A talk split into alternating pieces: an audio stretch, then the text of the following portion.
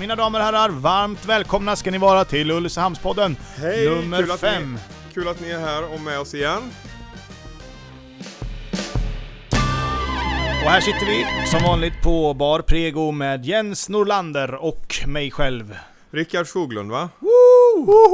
Vi är i form idag, känner du det Jens? Vi Ja, nej, men det känns bra. Det är ju liksom världscupsvecka och eh, massa saker händer i, eh, i stan så att det är jätteroligt. Verkligen, och vi hade våran första riktiga gäst förra veckan. Och mycket spännande att, få prata med en riktig gäst. Vilken utmaning att få intervjua någon annan. Ja, det var, det var, det var verkligen spännande och, och, och det gav ju mer smak. Det, Det- det vill man ha igen helt enkelt. Det vill vi, och vi kan avslöja att vi har ju faktiskt eh, två färdiga bokningar och en, eh, tre färdiga bokningar. Ja, just Ja, det, det har vi. med spännande gäster. Mm.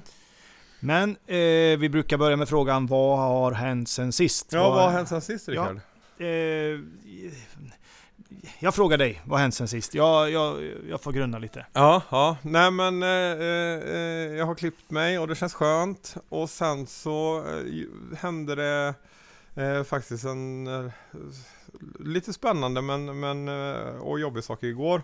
Så eh, jag var på jobbet och så höll på att förbereda lunchen. Klockan var kanske halv elva ungefär. Och eh, gick här fram och tillbaka och så blev jag stående och så tittade jag ner på, på gatan ut. Precis vid min dörr så står det en, eh, en äldre herre i rollator och ser lite ja, vinglig ut kan man säga. Och så funderar jag på, undrar om jag behöver hjälpa honom och medan jag står där och funderar så får jag helt plötsligt slänga det jag har i händerna och för han bara börjar ramla rakt ner. Ja, och det var precis utanför dörren. jag tänkte, min första tanke var att det var att han, att det var lite halt och lite besvärligt sådär liksom, men sen så insåg jag att det här var ju någonting annat som var fel.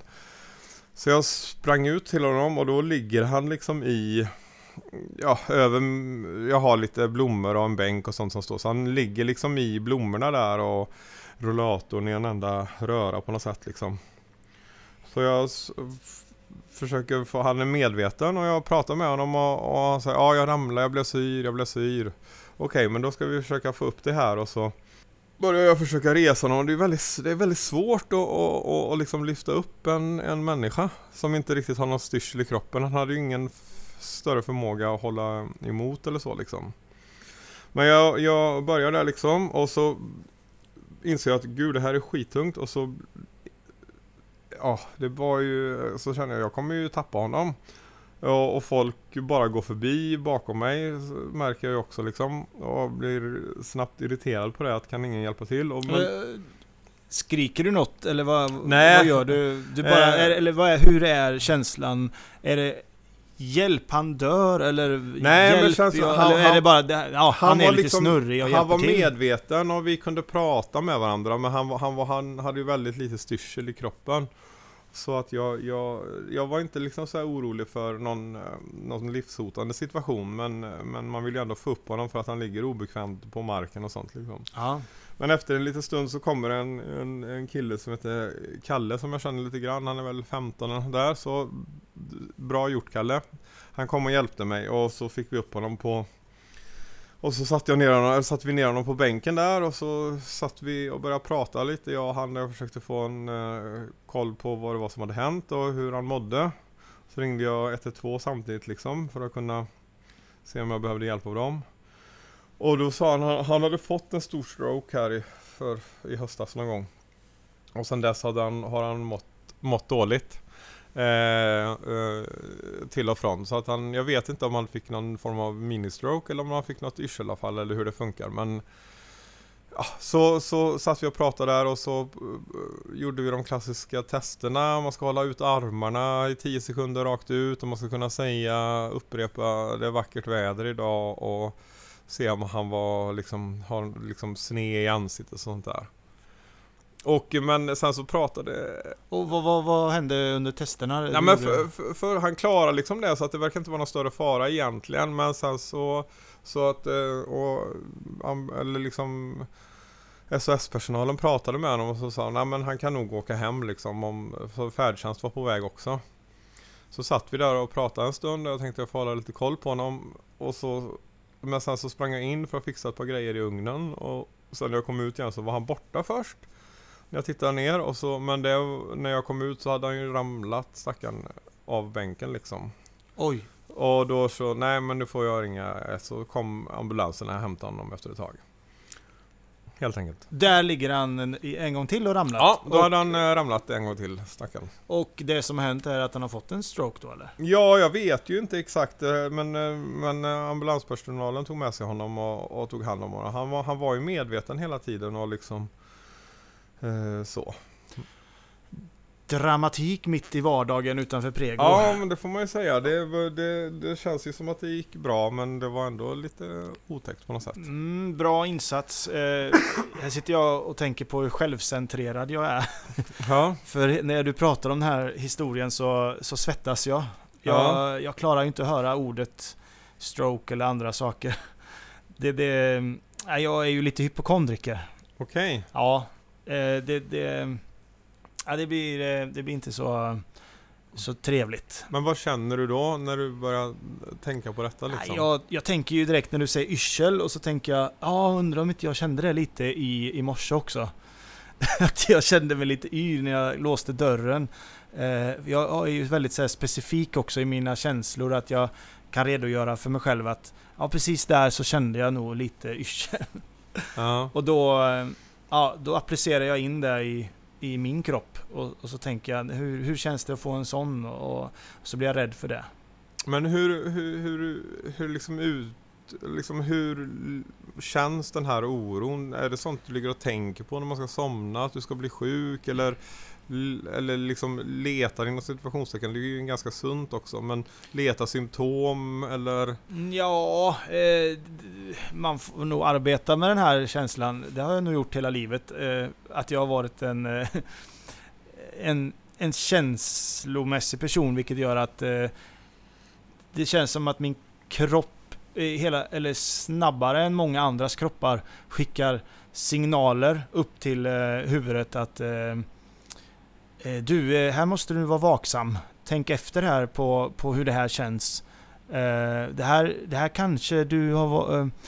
kommer du ihåg att det var en annan som dog för en fick cancer på det sättet? Och nu känns det nog ungefär så. Alltså det är som att jag, min kropp relaterar så snabbt till, till små, små förnimmelser som händer. Och den skickar direkt upp så här reptilsvar upp till hjärnan att du ska, här ska du vara aktsam, här ska du... eh, och då blir det den här fight or fly-känslan. Och den kommer jag nog väldigt fort till. Hur då menar du? Jo men om, om det snurrar till i mitt huvud eller om jag får ett dubbelslag på hjärtat eller, eller ehm, det känns obekvämt av något slag. Då, då skickar kroppen upp en, en sån här akta dig. Du ska vara... mm, Det här måste du vara rädd för. Vilket gör att hjärnan tänker att aha, jag måste vara rädd. Och då går den i den, den här klassiska fight or fly. Vet du vad jag Ja, pratar om? ja, det här ja, det att förstår- panik känns. Ja. panikångest nästan. Fast inte så kraftfullt. Men, och då gäller det att hantera den där fight or fly. Är detta en, en, eh, en, eh, en fly-situation? Alltså du måste eh, på allvar, måste du vara på allvar rädd för det som händer just nu. Och, och, och då är ju utmaningen att tänka, nej just det, det här är ju normalt. Det här kan ju hända vem som helst. Och eh, Ja. du kommer inte att pang falla ihop utav detta. Och då, då måste man lära, programmera om min hjärna att, att börja tänka Ta det lugnt, det är ingen fara. Men min hjärna är automatiserad, känns det som. Till Sen när jag var liten, till att tänka mer fara liksom. Ja, mer fara. Nu Förstora måste upp förstora upp det direkt. och. Och, det, här, det här måste direkt undersökas eller kollas upp. Och, och det bildar ju en snöbolleffekt. Så Ja. eh, nu ska jag ändå säga att jag är ganska sund hypokondriker. Men jag, jag Ja. var värre förr. Men hur, hur agerar du på det också? Liksom söker upp eh, vården och ringer 1177 och, och, och går du vidare eller är det, är det bara en, en intern ångestgrej inne i dig? Ja, just nu är det som att det blir en... Nu ska jag ändå säga att jag kommit så pass långt i mitt eh, sån typ av arbete så att jag, jag kan vara rationaliserad och tänka ja men det här har ju hänt flera gånger innan och eh, det här känner kroppen igen och så säger hjärnan att då kan du slappna av. Och så har jag lärt mig att slappna av. Andas, eh, tänka rätt tankar och, och komma på rätt köl igen liksom. Men när det var som värst, då, då fastnade jag ständigt i, i den där negativa spiralen och då googlade jag och sen slutade det oftast med att jag fick göra ett läkarbesök. Ja. Ja, Och det som sällan gav någonting. nej det var ju bra prover och eh, allt sådär så att det, det gav ingenting. Men jag är jätteglad för jag har fått en diagnos äntligen. Ja, Så jag är, kul. ja, min, tack. Mm. Min hypokondri är nästan botad på grund av detta. Nej men jag, jag fick glutenintolerans som, som ja, diagnos. okej. Ja. Och jag vet aldrig, jag, det, det är få som jag känner som har blivit så glad för att få en sån diagnos. För de säger så här, åh gluten, inte det är lite jobbigt att utesluta i mat? Ja, och det, det kan vara möjligtvis lite jobbigt med, med bröd och sådär, man måste strunta i det. Men Ja, det är gott med bröd men... ja, men, det är det. ja. Men, alltså jag är så tacksam över den här diagnosen. För äntligen, alltså mina klagomål och mina, mina sätt att tänka på har ju på något sätt fått ett bevis på att ehm, jag har en diagnos. Och då ska Ja. jag tala om för dig, när man har glutenintolerans och man googlar på det, så leder det till diffusa symptom. Mm. Såsom eh, tung trötthet, eh, yrsel, eh, svag i musklerna, man känner sig eh, utarmad liksom. Ja, nej, men det är ju spännande. Jag har flera i min närhet som har liksom olika sådana bekymmer med vad man äter och, och ja, men hur, hur det påverkar kroppen. Gluten är ju traditionell eller en typisk sån och, och laktos eller, eller mjölk är ju också sånt. Ja, Som kan påverka som är jädrigt det kan vara svårt att komma till rätta med det vilket är jävligt jobbigt att man man provar och man utesluter det och så märker man någon skillnad och så. Ja, det är jättesvårt att komma och inte jättebra hjälp alla gånger heller man får liksom. Nej, precis, för att det för- finns inte alltid bra tester eller att man tas på allvar eller vad man ska säga. ja men exakt så, för de säger ju att man kan prova själv med att utesluta gluten eller laktos. Men då krävs det ju ganska mycket av, för du märker ju inte sådär från en dag till en annan. Det är upp till, de säger sex månader, nästan ett år eh, med gluten. Om det, det är först då som tarmen har läkt riktigt och kan eh, tillgodose sig näringen. Ja. Vilket gör att då ska du ha ett jäkla tålamod att prova dig fram i ett halvår. Men därför är jag ju så glad att eh, läkaren sa ju lite så här, nah, gluten är ju lite... Jag tror inte du har det. det. Det är lite så här trendgrej. Men visst, jag ska ta ett test. Det var hans förslag också för övrigt. Det var inte mitt. Nej. Men han ville ta testet och då visade det tydligt i blodprovet att jag hade glutenintolerans. Och sen gjorde de en gastroskopi och det visade också tydligt. Ja. Så då blev Och det så... gjorde dig glad som hypokondriker att det fanns något allvar eller något konkret att ta på där? Exakt, jag Mm. kunde hänga upp eh, på en tydlig diagnos och det var inget blaha blaha utan svart på vitt, vitt ska jag nu utesluta gluten och det som faktiskt har hänt det är ju eh, snart, nej det är inte, ja, drygt halvår har jag slutat med det och jag mår ju faktiskt bättre. Ja, ja men det är ju härligt, grattis! Lite av de här diffusa symptomen är ju borta. Ja. Mm. Ja, För jag tycker, det, jag tycker det är svårt åt andra håll. Alltså jag, jag är inte speciellt eh, hypokondrisk. Eh, eh, vilket kanske också var nackdel för att man, det är också viktigt att vara alert på symptomen i, i sin kropp liksom. Och kanske också andras symptom. Att eh, jag övar mig nog snarare på att liksom vara vaksam på, på mig själv och på andra. Att eh, se att eh, om folk man har i sin närhet att eh, vara observant på, på grejer. Inte bara tänka att ja det, det är som det är. Man har ont, eh, si och så. Eller att det faktiskt, ja men vi måste nog faktiskt kolla upp det här. Liksom, för det, allting går ju inte över av sig själv. Nej, du tänker, jag tänker på barnen och sånt Ja också. men till exempel, är- ja, ja visst exakt. Eller det kan vara både barn och vänner eller vad som helst. Att man eh, ibland behöver vara lyhörd på ett sätt som eh, jag måste ibland anstränga mig för Men det låter ju fantastiskt i min värld att vara så obrydd. För att eh, det är ju jäkligt jobbigt att vara sådär brydd hela tiden. Ja. Det tar ju så mycket energi menar jag. Mm. Att hela tiden vara så Men- observant på... Men är du lika orolig för andra, för barn eller vänner eller familj sådär? Ja, det är jag ju. Men jag måste ju... Då kommer mitt egocentriska jag in och, och på något märkligt vänster så slår det alltid hårdast mot mig själv att jag... För jag kan ju se på barnen och, och ta en ganska... En sån här diagnos eller analys i mitt huvud och känna att ja, det där... Det, hon beskriver eh, ungefär kanske det jag har känt. Och då, då, eh, då är jag ju så van med att känna så mycket olika saker så då kan jag vara lugn mot de andra. Ja. Och, och förklara att det där är bara att du är lite orolig just nu. I, i, det kan göra att din mage är lite konstig eller sådär saker. Så Mm. då blir jag nästan lite lugn för då, då agerar jag som någon sån här eh, husdoktor liksom. För då har jag själv haft alla sjukdomar. Så jag vet ju hur allt känns liksom. ja, just det. Och jag vet inte om det kommer lite från min mormor. Hon är ju en, eh, hon är ju en eh, sån här... Allt är ju nyttigt. Ät nu ärtor. Det är bra för synen. Ät, ät eh, Mulkosan åt vi när vi var små. Det var en sån här naturmedel. Eh, varsle. Vars, gammal, Vassle. Vassle ja. Ja. Luktar ju bedrövligt, smakar hemskt. Men det var ju så bra för hälsan och så vidare. Så lite Men vi- hälsodoktor är hon. Men visst är det alltid så, förresten apropå sånt, att de här huskurerna som mormödrar kommer med, att det är alltid sånt som smakar illa. Ja, Som man- smakar starkt. Det är liksom, du ska äta sex vitlöksklyftor eller en stor sked rå ingefära eller citron eller vassle eller Det är ju sällan det är något som smakar Ja, så Hittar gott. man något eh, preparat nu för tiden som är, eh, smakar gott, då blir man ju misstänksam. Ja, just Då det. tänker man det här är inte en bra grej liksom. Nej, Det ska smaka riktigt, riktigt eh, Ja, men det, man vill ju kanske att det ska riva lite för att en, en sån huskur ska ta liksom. Det ska kännas att Ah, där satt den! Liksom. ja, det ska verkligen eh, sätta dit den på, på, på det obehagliga sättet så man får en eh, aha-upplevelse liksom. Ja, ja nej, men det ska alltid smaka starkt på något sätt. Liksom. Ja, och de här husmoderstipsen, det finns ju många utav dem och den utav vitlök tänkte jag på. Det, det är ju en klassiker enligt mig. Att man tar en halv, eh, man tar en vitlök, skär den på hälften och så lägger man den i örat. Och Ja. så tejpar man för örat och sen somnar man gott när man då har ont i örat. Och varje gång jag har gjort det när jag var liten så vaknar jag med att öronverken är borta. Ja, ja. Det har väl du varit med om? Nej, det har, jag- jag har inte varit...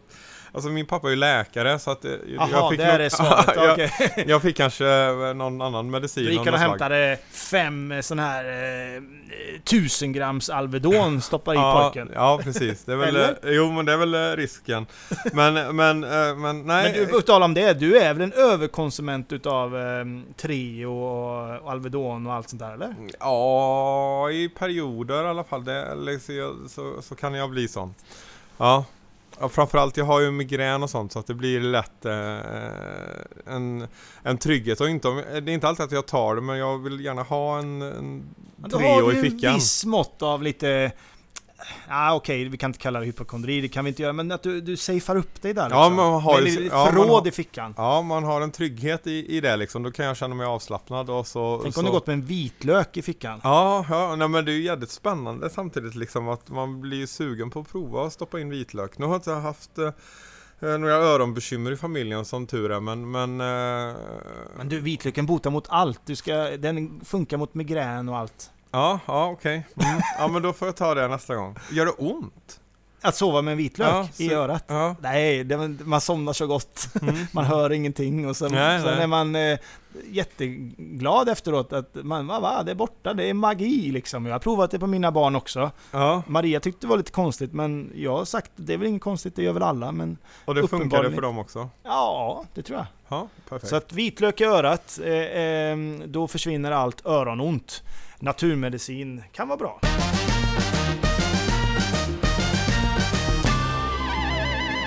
Vi heter ju Ulricehamnspodden av en anledning. Det är ju för att eh, vi tycker om att spåna kring eh, händelser i Ulricehamn och dess utveckling och ja, vårt, vårt egna samhälle. Vi läser i eh, dagens Ulricehamns-tidning där Lars Näslund, eh, chefsredaktör, nybliven, eller nybliven, eh, ett år sedan ungefär, skriver, eh, vi har läst två gånger om badhuset. Eh, det ska ju renoveras och det kostar eh, mycket att renovera. Ja, det var väl 100 miljoner ungefär som eh, det Lite skulle gå på. summa. Ja. Eh, men det finns ju bra tankar tycker i alla fall jag. Och eh, om att istället för att renovera kan man väl titta på en lösning där vi, eh, eller vi och vi, men de eh, vill, kommunen och eh, eventuellt andra kan bygga ett helt nytt badhus. Vad, vad kan det ge stan och så vidare? Och det är ju en jätteintressant eh, spaning Lars har kring att lägga ett stort aktivitetsbadhus uppe vid Lassalyckan, vilket innebär, det, det kan man ju själv känna när man är uppe och åker skidor, när det är kallt. Eh, och kombinera det med ett varmt bubbelbad efteråt, eller att barnen kan vara inne och bada och mamma kan ta sig ett träningspass samtidigt och sen kan eh, eh, familjen få bada och basta och ha det skönt på vintern. Det är ju en underbar upplevelse. Och det kan ju stärka Ulricehamn som stad ännu mer såklart. Och då har han en, eh, en text idag som handlar om att eh, kan eh, titta på en lösning kanske de privata aktörerna kan kan gå med i, eh, i byggnationen. Ja, och det tycker jag är, är spännande. Det har jag själv funderat på under, en, under ett tag. Liksom, att över ett ganska brett eh, eh politiskt eh, spektrum så är vi ju väldigt glada i att eh, sälja, vi har ju sålt ut eh, vård och liksom de, de, det som är, egentligen är kärnverksamheterna bedrivs ju idag, alltså skolor och, och vård i olika former bedrivs av privata aktörer utan utan att någon eh, opponerar sig, höll jag på att säga. Jo, det är folket som opponerar sig. Men att det... I, i, det har blivit mer naturligt såklart. Ja, det har blivit väldigt naturligt och vi har gått väldigt långt i det och vi liksom har gått eh, eh i princip längst i världen i att eh, privatisera skolor och sånt. Eh, och, längst i världen alltså? Ja, det är ju det är nog inget land som har gått lika långt i, i liksom tillåtande av vinstdrivande företag, aktiebolag som driver skolor. Ja. Mm. Men, eh, och det är ju liksom fascinerande och det, det är ju en stor fråga i sig. Men, men om, om, om man tar den då till, till badhus, och det kan jag ju känna själv att ja, men ett badhus, det är ju jättebra för kommunen, men det är ju inte heller riktigt kärnverksamheten. Det är ju liksom inte skola och omsorg utan det, det är ju ändå några snäpp ner eller upp på behovstrappan. Du tänker att där finns, varför, varför finns det ens eh, tankar kring detta? Eller varför, skulle det vara något konstigt med att privatisera ett badhus? Eller vad tänker du? Nej men jag, jag tänker att det borde vara uppenbart eh, att, att eh, här skulle ju verkligen en privat aktörs fördelar kunna, kunna Eh, komma, komma in i bilden. Det finns, ju, det finns ju privata aktörer som driver flera badhus och som är skitduktiga på att driva badhus. Och, och, och skulle göra det med bravur. Och, och, det, det, och med stora effektivitetsvinster som, som kanske är lättare. Och det är, det är ju svårare i, i vården såklart att vara effektiv. Det är svårt att liksom eh, visa att eh, företag eh, A, vi kan trösta en, en, en gammal med dödsångest på fem minuter medan ni i kommunen behöver åtta minuter på er att göra det. Det går liksom inte att riktigt kvantifiera på samma sätt som kanske ett badhus gör och där kan man se vad driften kostar och vad man, hur många rutschbanor man kan bygga och, och det är ju jättespännande att, att, släppa in privata aktörer på, på denna marknad. Om det nu finns faktiskt företag som eh, skulle kunna tänka sig att bygga ett badhus här i Ulricehamn. Ja, och frågan eh, Lars ställer sig och eh, som jag funderar på. Renovera det som finns eller bygga helt nytt? Vad tycker du?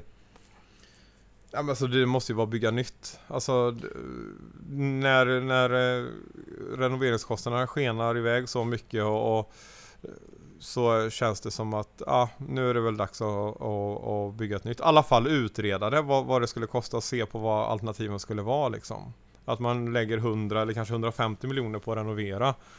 Så borde man väl, det är ju så pass mycket pengar så det känns som att det börjar bli relevant att fråga sig, är det verkligen den bästa användningen av de pengarna?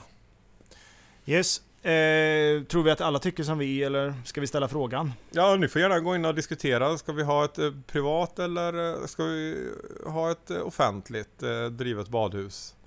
Och ska det renoveras eller ska det flyttas och byggas ett helt nytt? Mm. Två frågor igen. Ja. Gå gärna in och kommentera. Vad tycker ni?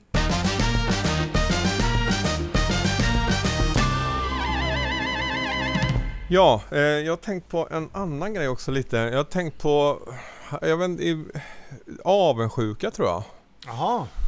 Det är ju ett eh, vitt och brett ämne och eh, intressant. Ja, eh, jo det är ju det. Och, eh, men, för jag, jag, jag har funderat på det under några veckor liksom hur jag känner avundsjuka och när jag känner avundsjuka. För många gånger kan jag uppleva att jag kanske inte känner igen mig i, eh, i, i en avundsjuka, alltså att när det går bra för någon annan så, så om framförallt om det är någon jag tycker om eller någon som är i min närhet så känner jag väldigt sällan någon, någon annan känsla tror jag än, än wow vad kul liksom. För att eh, det, det, jag känner, ja men det gör väl inte, mm, det gör ju inte mig något. Det är ju bara härligt liksom. Och, så äh, ser du Instagram-bilder där folk lägger ut från en härlig semester med familjen så blir du inte avundsjuk? Nej, jag, jag, nej, jag blir inte det. Alltså men jag, jag funderar på vad jag blir avundsjuk på liksom. För jag, jag, antar att jag också blir det liksom. Men, men kanske på andra saker. Mm, jag ehm, funderar också kring min egna avundsjuka och eh, kan nog känna... Jag känner ju avundsjuka och eh, kanske lite som du säger där privat eh, kan man vara ganska glad när det för folk och sådär. Eh, men i arbetet, det, det, när det kommer lite konkurrenssituation i det har du någon avundsjuka där? Det kan jag ju känna.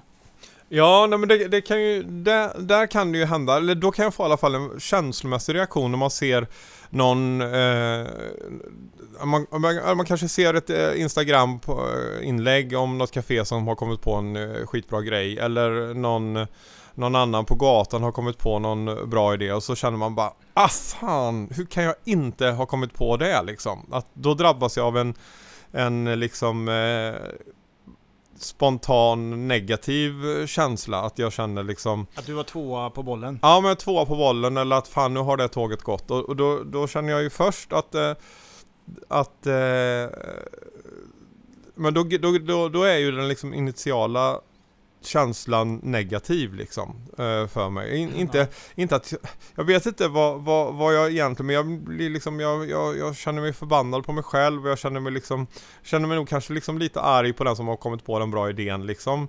Lite på grund av uh, avundsjuka tror jag. Så om det går bra för en i, um, i, i vi kallar det arbetssituationen då, eller konkurrenssituation och sådär. Och så märker du att den har kläckt en bra idé och det verkar snurra på bra där.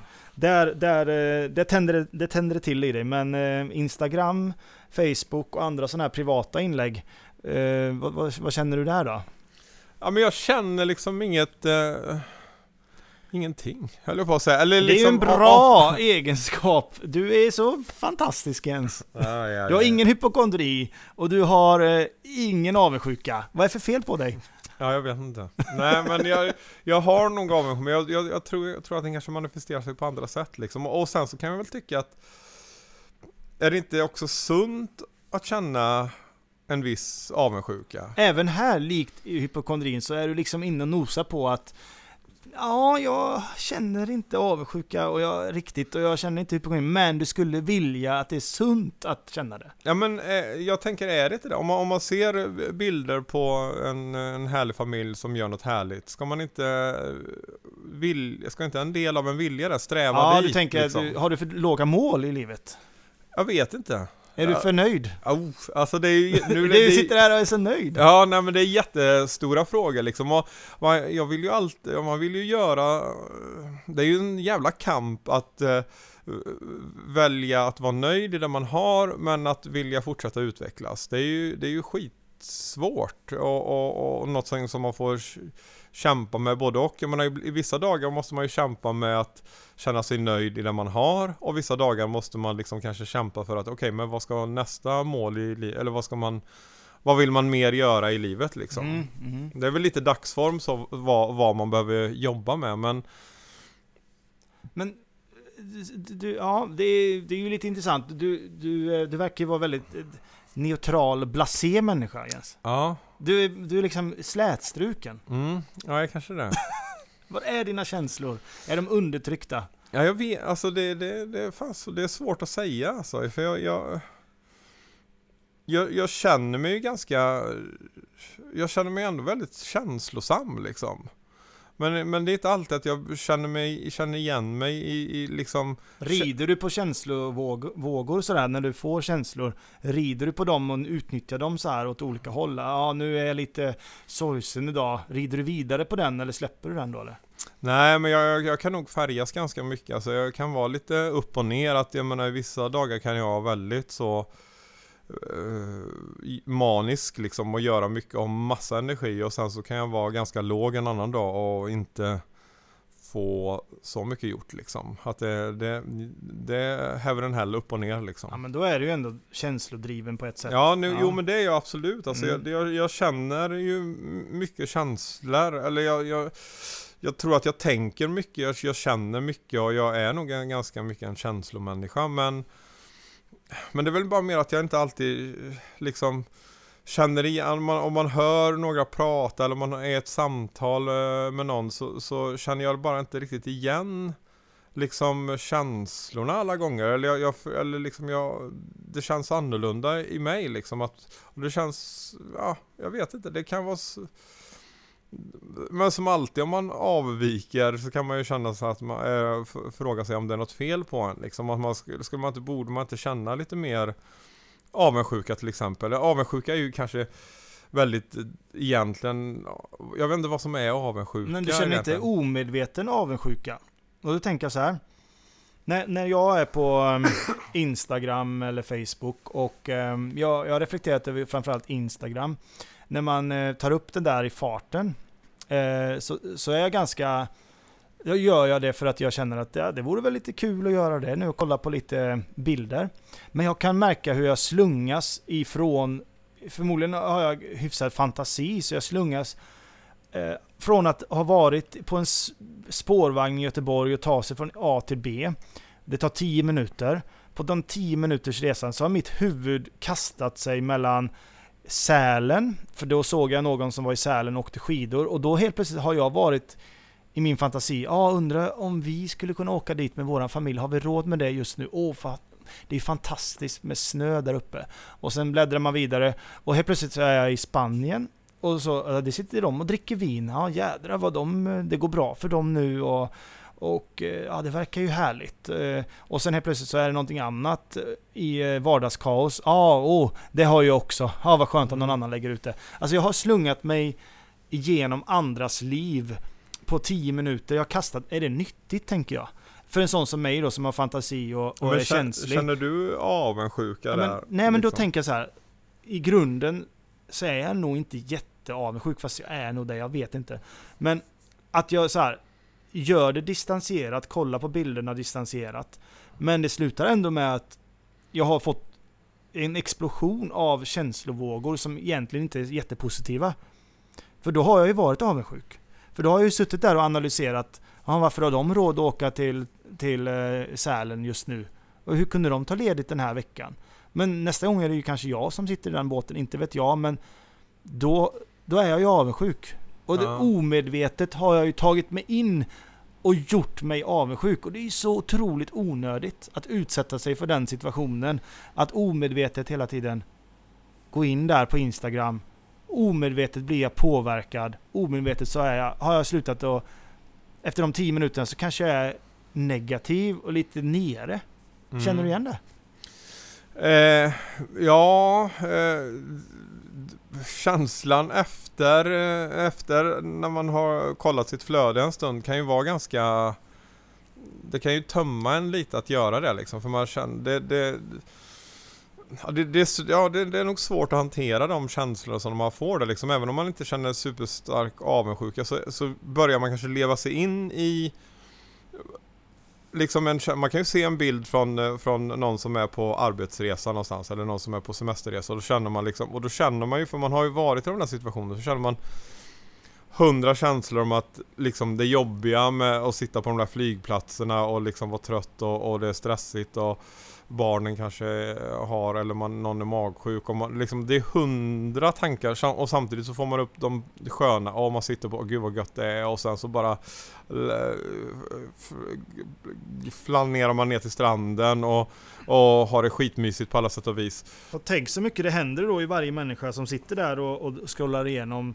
Jag vet inte hur många timmar vi har i snitt eh, skärmtid, men eh, det är ju inte sunt alltså. Nej men jag, jag eh, hörde nyligen att det är i, i snitt två timmar om dagen som är skärmtid. Absolut. Ja men då, och då är det alltså in, inte att man sitter vid en dator och jobbar utan alltså två timmar är liksom Candy Crush, Facebook och Instagram. Alltså sån Ja. inom situationstecken meningslös. Mm. De här Mm. alla små grejerna man tar upp telefonen och, och kollar. Ja. Och jag vet inte om detta är avundsjuka, men jag kan ju bli irriterad också. Jag blir irriterad på människor som ska lägga ut eh, de bästa bilderna hela tiden. Ja. Solnedgången eller eh, utsikten där och, och, och familjen där, hej och hå. Jag älskar ju vardagsbilder när eh, folk tar lite statement i, i sitt liv och, och så eh, lägger man ut ett kök som är, ser det värsta köket. Det är bara explosion där. Barnen ligger och skriker. Och så skriver man ja, vardag, vardagen ju- hos Alltså- oss just nu. Då blir jag ju bara så här: wow, härligt, bra. Ja, Fortsätt nej, så. men det, det, det är skönt att det finns också. Ja men det finns inte, det, inte mycket utav Nej, det. men den motvikten behövs ju absolut liksom. Sen så måste man ju få man måste ju såklart få berätta när man mår bra. Men, men visst, det kan ju vara... eh, Ibland känner man ju, undrar hur det är egentligen. Kanske. Ganska ofta, ganska ofta träffar du människor som du har tänkt en sak om och, och eh, jädrar vad, vad det rullar på där och sen snackar man med dem så är det ju inte alls så. Och i mitt fall tänker jag på det. Jag är ju kanske också en sån störig människa. Eh, men jag gjorde ett val för typ fyra år sedan att jag lägger i princip inte ut någonting som är privat. Men jag lägger ut allt. Och då menar jag typ allt som har med jobbet att göra. Ja, Och eh, då har jag det som eh, täckmantel och försvar att det här har med mitt jobb att göra, det är marknadsföring och det är reklam. Och det har ju märkt varit bra på det sättet, att folk ser vad vi gör och man kan fortsätta få reklam på det sättet. Mm. Men det är ju också, då blir jag ju också, får jag ju vara beredd, en störig människa hos vissa.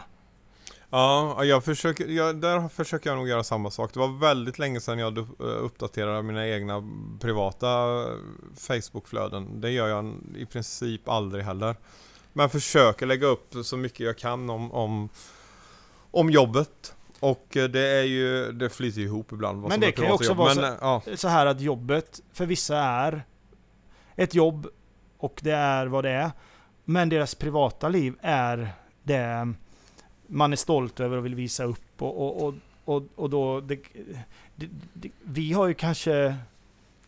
Jag vet inte om vi är så stolta över vårt jobb då. Och om det är positivt eller negativt, det vet jag fan. Men eh, ehm, vi lägger upp det som har med vårt jobb att göra. Men vissa andra väljer kanske, nej men mitt jobb tycker jag inte så mycket om. Men då väljer jag att lägga upp mycket på barnen istället. ja, eller så har man ju bara helt enkelt ett jobb där man inte har Alltså man kan ju ha ett jobb som man älskar men man sitter på ett kontor och, och kanske inte kan bara, man kan inte lägga upp bilder av hemliga Excel-rapporter man sitter och skriver som är företagshemligheter eller att det inte händer. Alltså man rör sig inte så mycket i sitt jobb, man sitter mest kanske stilla och, och, och Ja, med andra ord så kan man ju inte, man kan ju varken säga bu eller bä för de, de som då lägger upp mycket privata bilder som vi kallar, som man kan bli lite så här. Wow vad mycket du ska skryta om det där. ja. Men eh, det är väl ingenting att säga om det då egentligen. Nej. Nej, Vi- men, men, men åter till, bara till, till avundsjukan. Alltså, Ja. Jag känner ju alltså, till en viss, alltså precis som du var, nämnde liksom, jag skulle någonstans så önskar jag att jag fick en starkare känsla ibland av att vilja, alltså jag skulle, åh det skulle jag vilja göra. Och, och det, det, det finns ju på något sätt, finns det inte en drivkraft där? Det är väl det jag är ute efter liksom. Jag tänker att, att ja, jag vet inte om det är av, avundsjukan är väl, just avundsjukan om man använder det ordet så är det nog ganska negativt för mig. Men, men, men, men någon närbesläktad känsla där man, där man ser någon som gör någonting som man känner, det där vill jag också göra med mina barn, eller det där vill jag också göra helt enkelt. Och då, då finns det ju en drivkraft där.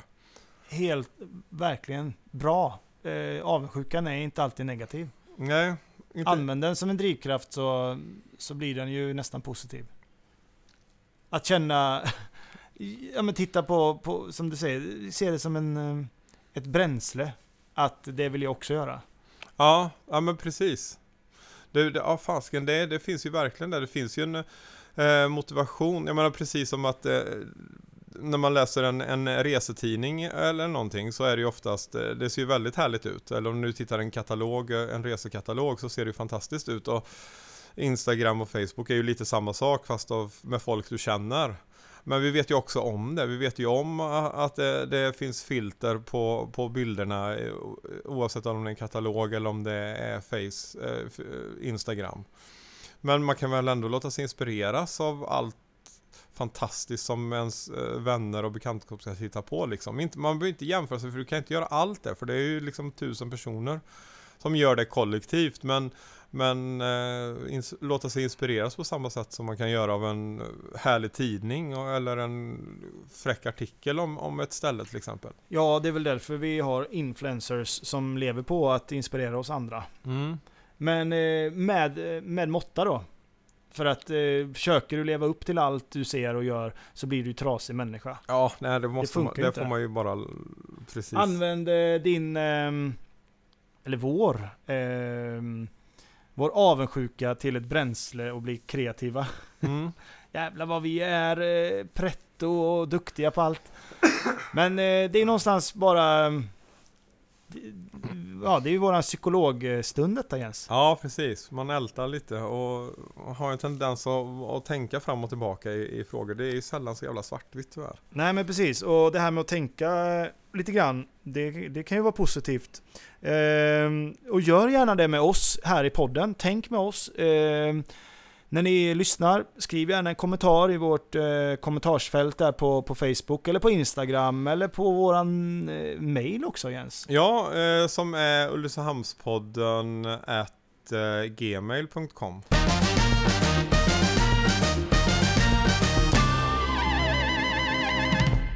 Apropå badhus kommer jag att tänka på eh, subventionering. Eh, det är ju kraftigt subventionerat att bada. Ja, såklart. Och det är det ju, jag reagerar på det, att det är väldigt, väldigt billigt att bada här i Ulricehamn. Mm, det är det verkligen. Eh, tack för det, kommunen som subventionerar detta.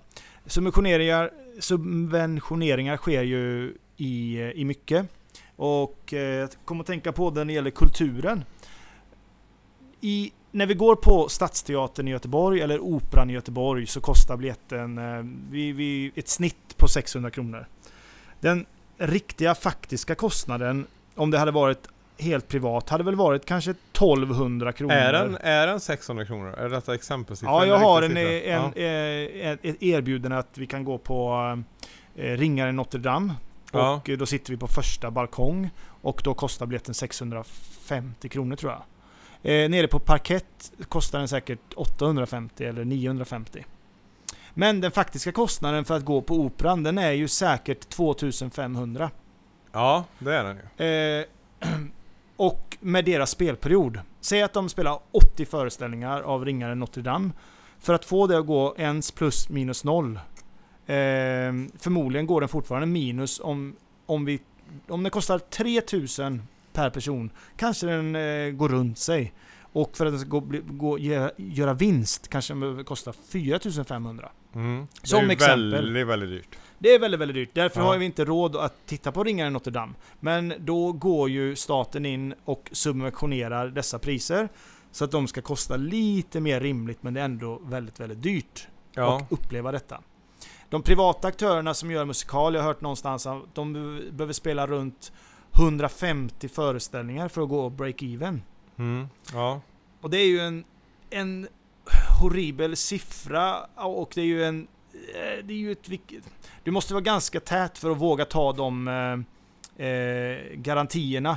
Ja, det är bara Stefan och Christer som har råd med det nu för Ja, vi har ju. To Entertain som de heter som är störst i Norden och de äger ju numera teatrar över hela Sverige och de gör ju, de, de kommer ju, grundar ju sig i Stefan och Christers och sen är det Janne och Bosse i Falkenberg som har Ja. bildat To Entertain och därav har arbetat sig upp i så många år och är nu de största i, i Norden liksom.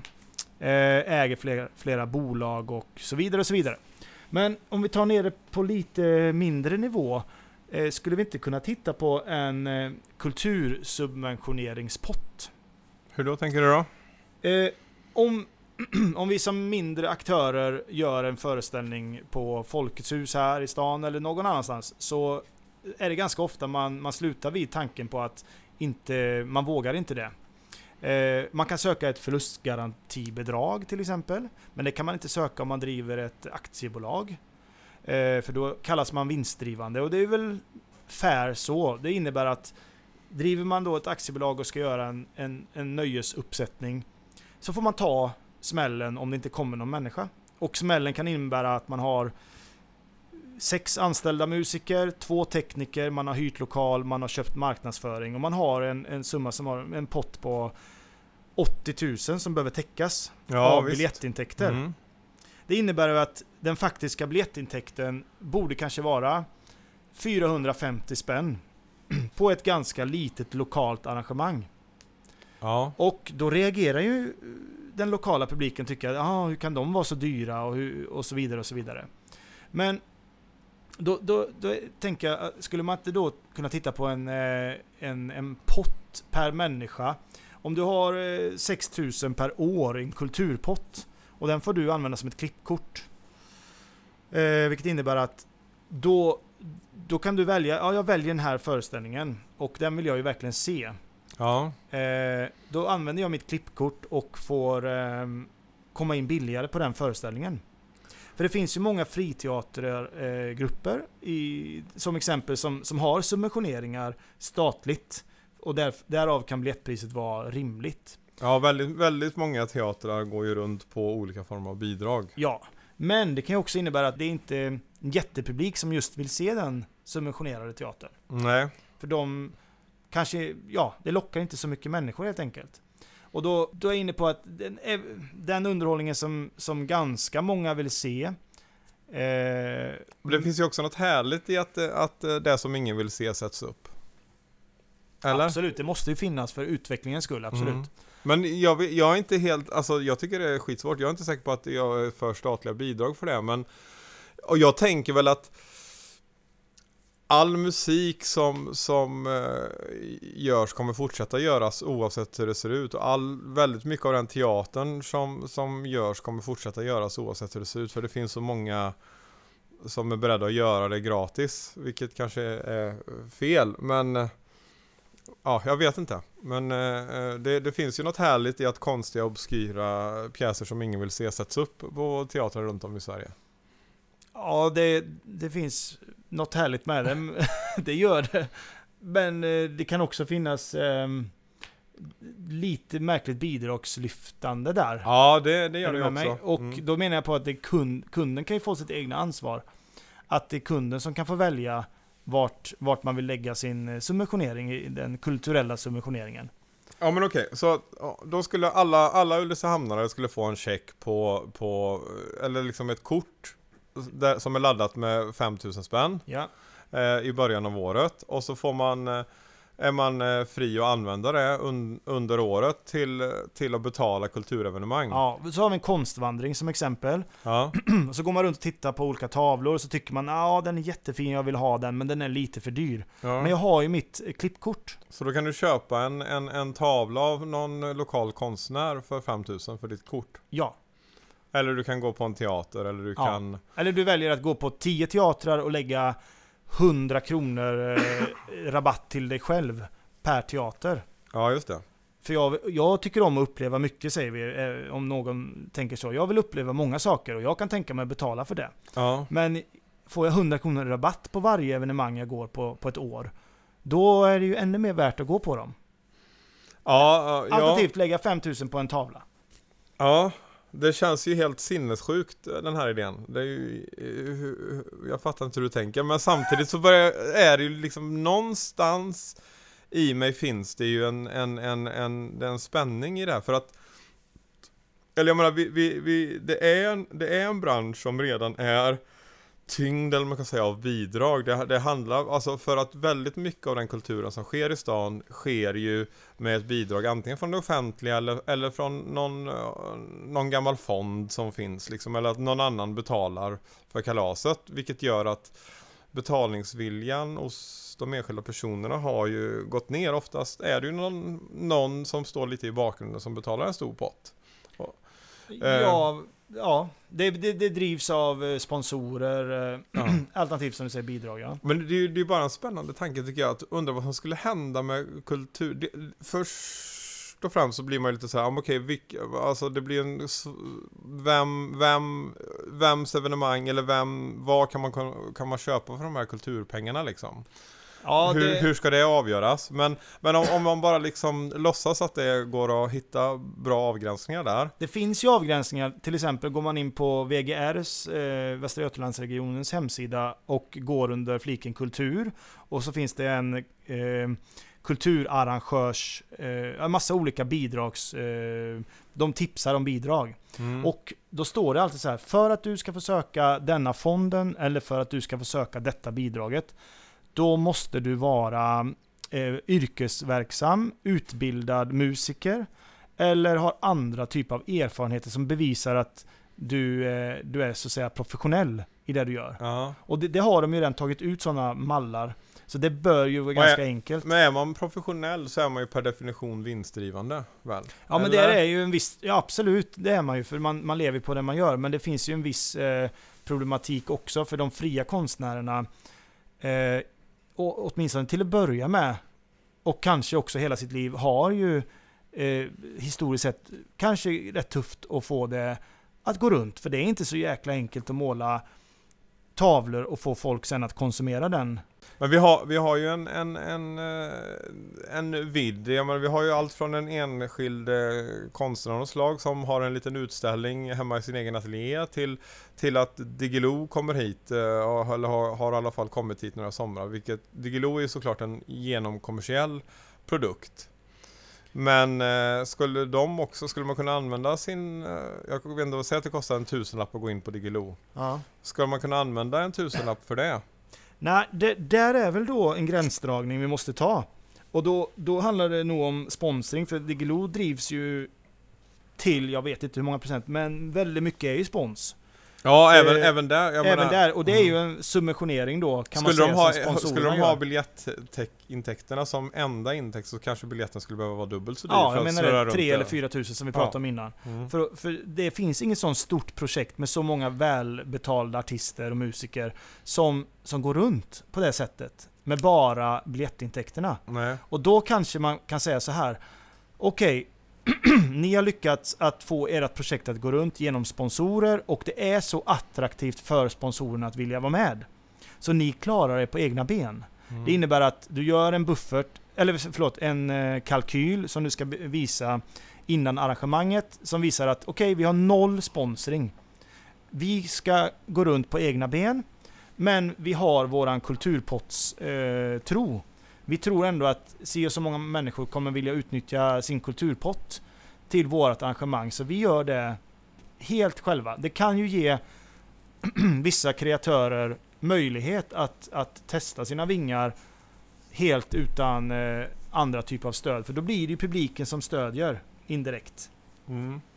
Ja, alltså jag, jag, jag tycker att idén är skitrolig. Även, alltså, det, man, det är väldigt lätt att börja tänka på olika gränsdragningar. Men, men det hade ju varit, om det var ganska fritt också, liksom, ja, men precis som vi hade, eh, vi hade ju lösningen på hur Ulricehamn ska bli Sveriges bästa julmarknad. Det är ju bara att tillåta glyvagnförsäljning på stan så skulle du vara hemma. Ja. Men eh, här om, om, om man visste att alla Ulricehamnare hade det här 5000 eh, eller vad nu summan ska vara och, och spendera. Vi skulle ju bli, vi skulle ju dra till oss så fantastiskt mycket kultur.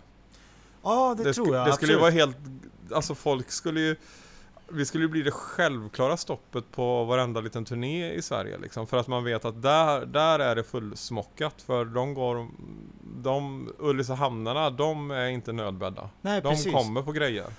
Och då är vi inne på det som vi pratade om förra veckan också där, hur viktigt det är med just eh, upplevelsemomenten i en stad. För vi vet att eh, världscupen som exempel ger 60 000 besökare, eh, Djurport är jätteviktigt för stan och många andra saker, precis som du är inne på, små som stora kulturevenemang skapar en attraktion för att vilja leva i, eh, vilja leva i, i den här stan. Mm. Så absolut är det en, ett, ett dragplåster kan jag tycka. 5000 spänn eh, per person, det är ju typ 125 miljoner så det är ganska mycket pengar vi pratar om. Hör, hör- hörde du vad tyst jag blev? Ja, men... eh, Men, eh, Men vi har ju lösningar på allt i den här podden. Mm.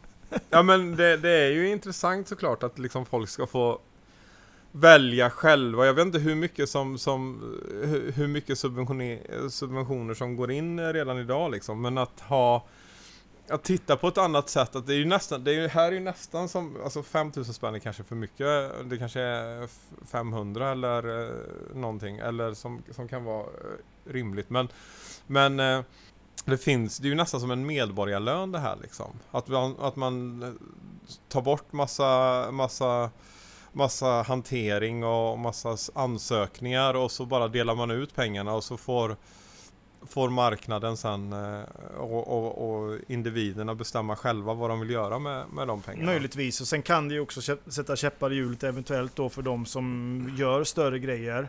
Eh, får inte möjlighet att göra de större gre- grejerna för kultursubventionering har redan gått ut gemene man. Istället för att gå till en större pott till eh, Göteborgsoperan som exempel eller, eller någon annan kultur eller subventioneringsteater. Teater. Ja.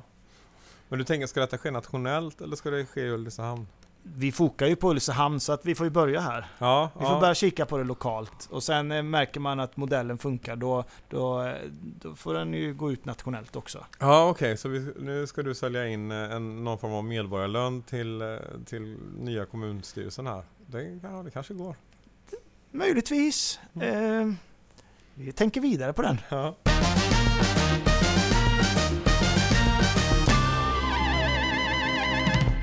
Ja, vet du vad som har hänt eh, för annat Rickard? Nej, berätta gärna. Jo, vi här på Ulricehamnspodden har fått vår första sponsor. Ja! Ja! Härligt! Ja, fascinerande. Och eh, nu ska jag säga här så att allting blir rätt. Och det är alltså Modegaraget som eh, sponsrar oss och de vill ha ut meddelandet de eh, ger 20% rabatt på valfritt plagg ur Vårnytt-kollektionen där och det gäller hela januari ut. Så alltså 20% rabatt på ett valfritt plagg ur Vårnytt-kollektionen. Så att det är bara att säga Ulricehamnspodden i kassan inne på modegaraget hos Madde och så får ni 20% rabatt på ett plagg.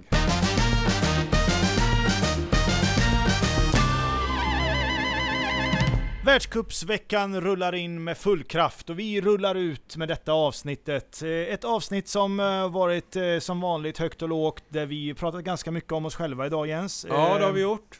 Och Eh, så kan det vara. så kan det bli, så kan det bli. Hoppas ni eh, någonstans uppskattar våra tankar och eh, vår lilla podd. Ja, och och hör jättegärna av er med, med, med vad ni tänker, vad ni tycker, en kommentar. Är superroligt. Vi läser ju alla kommentarer såklart och, och det man blir så himla glad varje gång någon liksom ger en en liten hint om att de faktiskt har lyssnat på det här. Verkligen. Dela gärna våra avsnitt så fler får ta del av dem. Det är superkul. Vi tackar för detta avsnittet.